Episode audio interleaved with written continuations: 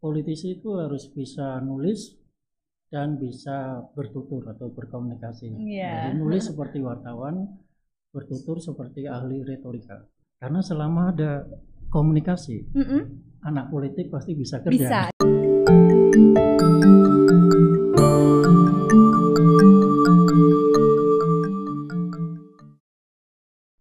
Hai Sobat UNES, salam Pancasila. Nah, ketemu lagi dalam podcast UNES episode kali ini. Tetap bersama saya Vida. Dan kenapa di awal tadi saya menggunakan salam Pancasila? Karena pada sesi podcast kali ini saya mendatangkan tamu saya yang ada hubungannya dengan Pancasila. Oke, selamat datang Pak Aris Selamat juga Bu Vida. Selamat datang di podcast UNES Iya. ya Pak ya. Iya. Sudah menyiapkan waktu hari ini untuk kita ngobrol Iya, tentang prodi yang akan kita bahas Iya. pada podcast kali ini. Iya. Prodi apa itu? Ilmu, Ilmu politik. politik. Iya. Baik, boleh disapa dulu Pak Aris nih, Sobat UNES yang menyaksikan konten kita kali ini. Sahabat-sahabat UNES, saya Aris Munandar. Salam Pancasila. Oke, salam Pancasila. Jawabnya gimana Pak? Salam. Salam. Oke, baik Pak Aris Munandar nih kita mau ngobrolin soal ilmu politik yang Iya. ada di Universitas Negeri Semarang. Bisa dijelaskan nggak Pak? Saya juga kurang paham ya itu ya. Iya, iya. Prodi ilmu politik yang ada di Universitas Negeri Semarang itu Oh, sendiri. Terima kasih Mbak Vida ya, Mm-mm. sama Mbak Aceh nih. Mbak aja Pak, jangan gua.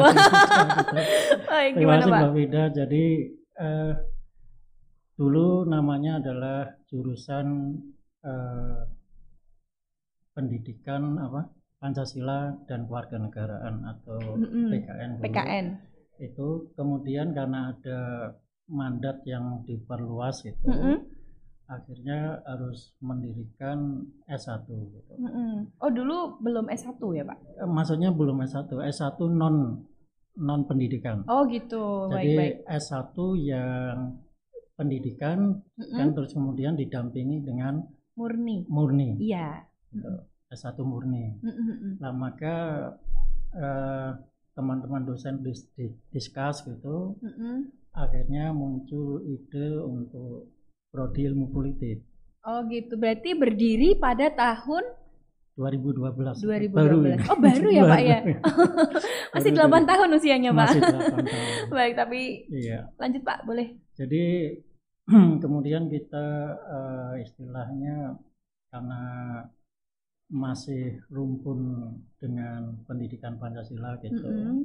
kita akhirnya mengarah ke sana. Banyak yang eh, prinsip-prinsip dari PKN yang kita adopsi, adopsi ya di Mm-mm. ilmu politik. Meskipun nanti arahnya ke murninya itu tetap ada. Gitu. Ilmu politik ya Iya. Pak ya.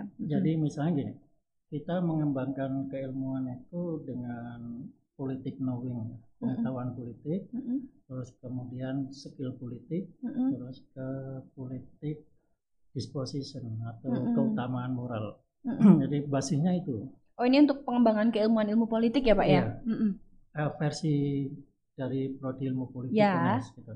Jadi sebelumnya kita juga survei Mbak, dulu Mm-mm. atau kita mempelajari praktik dari prodi yang lainnya. Mm-mm. Jadi kita ke UI, kita ke UGM, kita ke USU, Mm-mm. kita ke UNSUR, gitu. kita pelajari kurikulumnya seperti apa gitu. Mm-mm. Sambil kita eh, juga asosiasi gitu, kita gabung gitu. Kita bahkan Hmm. ikut mendirikan waktu itu asosiasi prodi meskipun masih muda. Mm-mm. Itu akhirnya ketemu ciri khas kita. Kita tidak mau meninggalkan yang jurusan awal itu. Mm-mm. Ibu kita di PKN. Ibunya di BKN. kita tidak ingin meninggalkan maka kita membuat rumpun keilmuan namanya. Rumpun keilmuan etika politik terus kemudian dan pengembangan institusi lokal Mm-mm. jadi sampai sekarang itu kurikulum kita masih kekeh pada rumpun etika politik dan pengembangan institusi lokal Oh gitu. Dari kurikulum yang Bapak sampaikan tadi itu, Hmm. sebenarnya kompetensi yang diinginkan dari pendidikan, bukan pendidikan ya, ilmu politik. ilmu politik Itu apa Pak? itu sebenarnya Seperti kalau apa awam gitu ya? ya kalau awam kan kita belajar dari host Cokramenoto Mm-mm. host Cokramenoto itu mentor Mm-mm. dari semua pergerakan politik bahkan Soekarno itu belajar dari host Cokramenoto Mm-mm. dia mengatakan politisi itu harus bisa nulis dan bisa bertutur atau berkomunikasi. Iya. Jadi nulis seperti wartawan, bertutur seperti ahli retorika. Mm-mm. Maka kita juga memunculkan kalau ini kecapaian pembelajaran ya harus bisa nulis, Mm-mm. harus bisa bertutur. Terus Hmm. kemudian kita juga belajar dari Mohatta. Mohatta itu eh, yang terkenal itu adiciumnya adalah pemimpin yang baik adalah pemimpin yang bisa melahirkan pemimpin. Ya, Mm-mm. maka anak politik harus bisa memimpin. Mm-mm. Lah, kita adicium memunculkan itu. Dia harus bisa memimpin bagaimanapun. Wah ini Ya, semua gitu. merefer ke tokoh-tokoh Iya. nasional Terus ya Pak ya. kemudian belajar dari Soekarno Heeh. itu memberdayakan orang dan menggerakkan. Mm-mm. Jadi s- seorang anak politik di UNES harus bisa menggerakkan. Mm-mm. Jadi itu kompetisi umum yang kita arahkan ke sana, berarti bisa menulis, bisa bertutur, berkomunikasi Mm-mm. ya sebagai orator, bisa juga untuk memimpin dan bisa eh, apa itu memberdayakan. Mm-mm. Karena itu eh, sobat-sobat kalau mau kuliah di ilmu politik enggak usah takut, enggak ada kerja. Tahu semua aman tahu ya Pak alasannya ya. apa, Mbak? Kenapa Pak? Karena selama ada komunikasi, Mm-mm. Anak politik pasti bisa kerja. Bisa ya karena tadi ya Iya. selain bisa bertutur, Iya. selain bisa menulis juga harus Iya. bisa bertutur yang baik gitu. seperti itu. Baik, kemudian ngomong-ngomong soal kompetensi yang ingin dihasilkan, tentunya ini diimbangi dengan fasilitas yang ada di prodi ilmu politik. Eh, Ini ada praktik. ya, Oh, ada praktik. Praktiknya Bisa diceritakan Pak detailnya? retorika, Mm-mm. retorika itu dia harus bisa berpidato. Mm-mm. Jelas Terus, itu yang iya. pertama ya Pak ya. Terus kemudian juga eh, apa itu kita mengembangkan political entrepreneur. Mm-mm.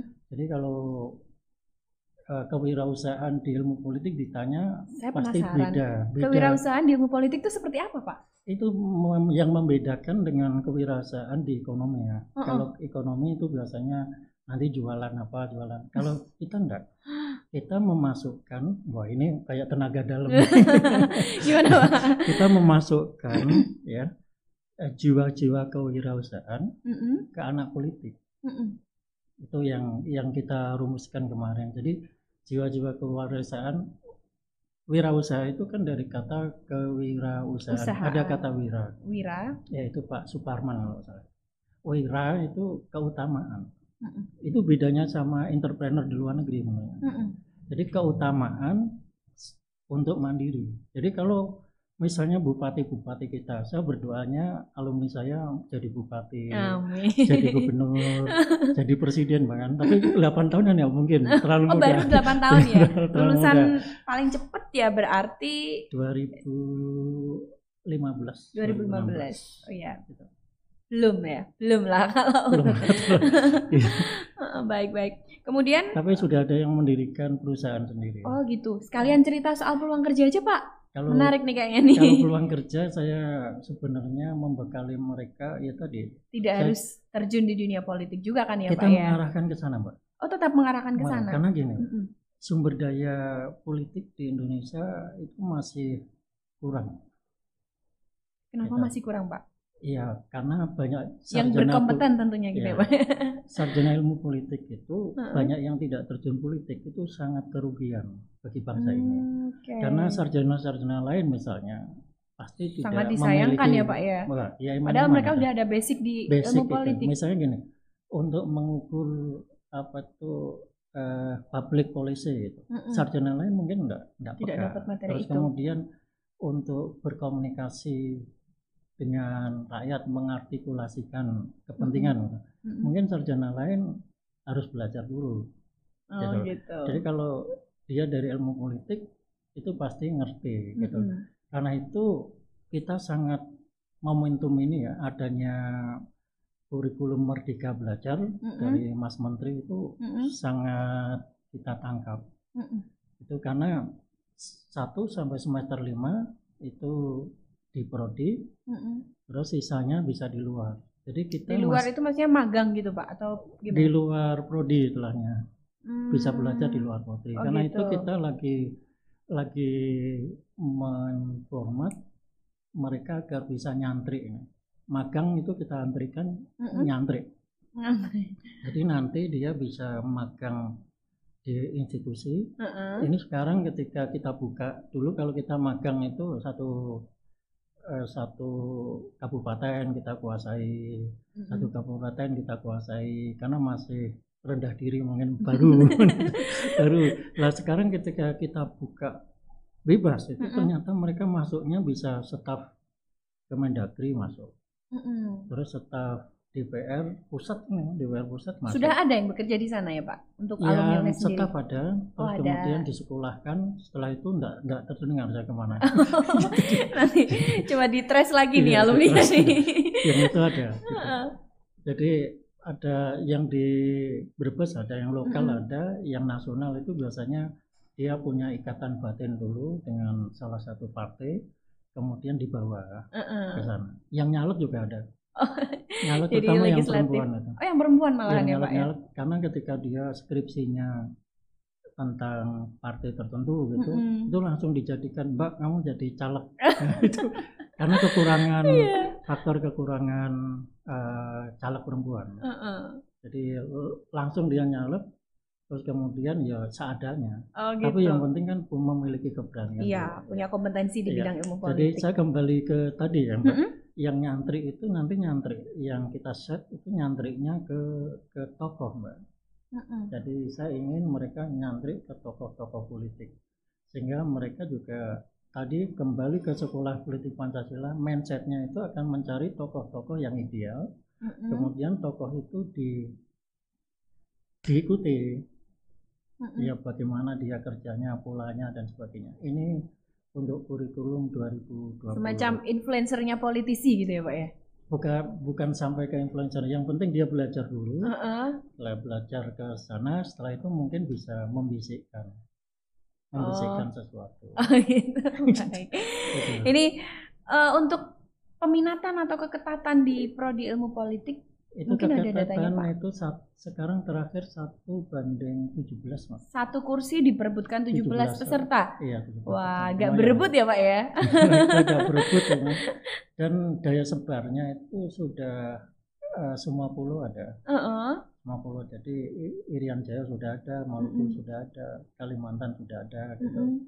kalau dulu kan 2012 itu isinya pantura itu bis jadi isinya pantura sekarang itu sudah daya sebarnya udah Udah merata ya merata. Pak ya. bahkan Mm-mm. Jakarta Jakarta juga sudah ada yang ke kita gitu dan sebagainya Oke, Gitu. baik. Menarik sekali ya, Pak Iya. ya. Ini buat sobat-sobat UNES yang pengen jadi politisi handal. Dan- Bisa dan Gimana? ini mbak ini rahasia Oh, rahasia, Oh, iya, tapi kita rahasia. disaksikan orang banyak Iya, nanti. kita punya eh, metode human excellence Heeh. yang kita rahasiakan.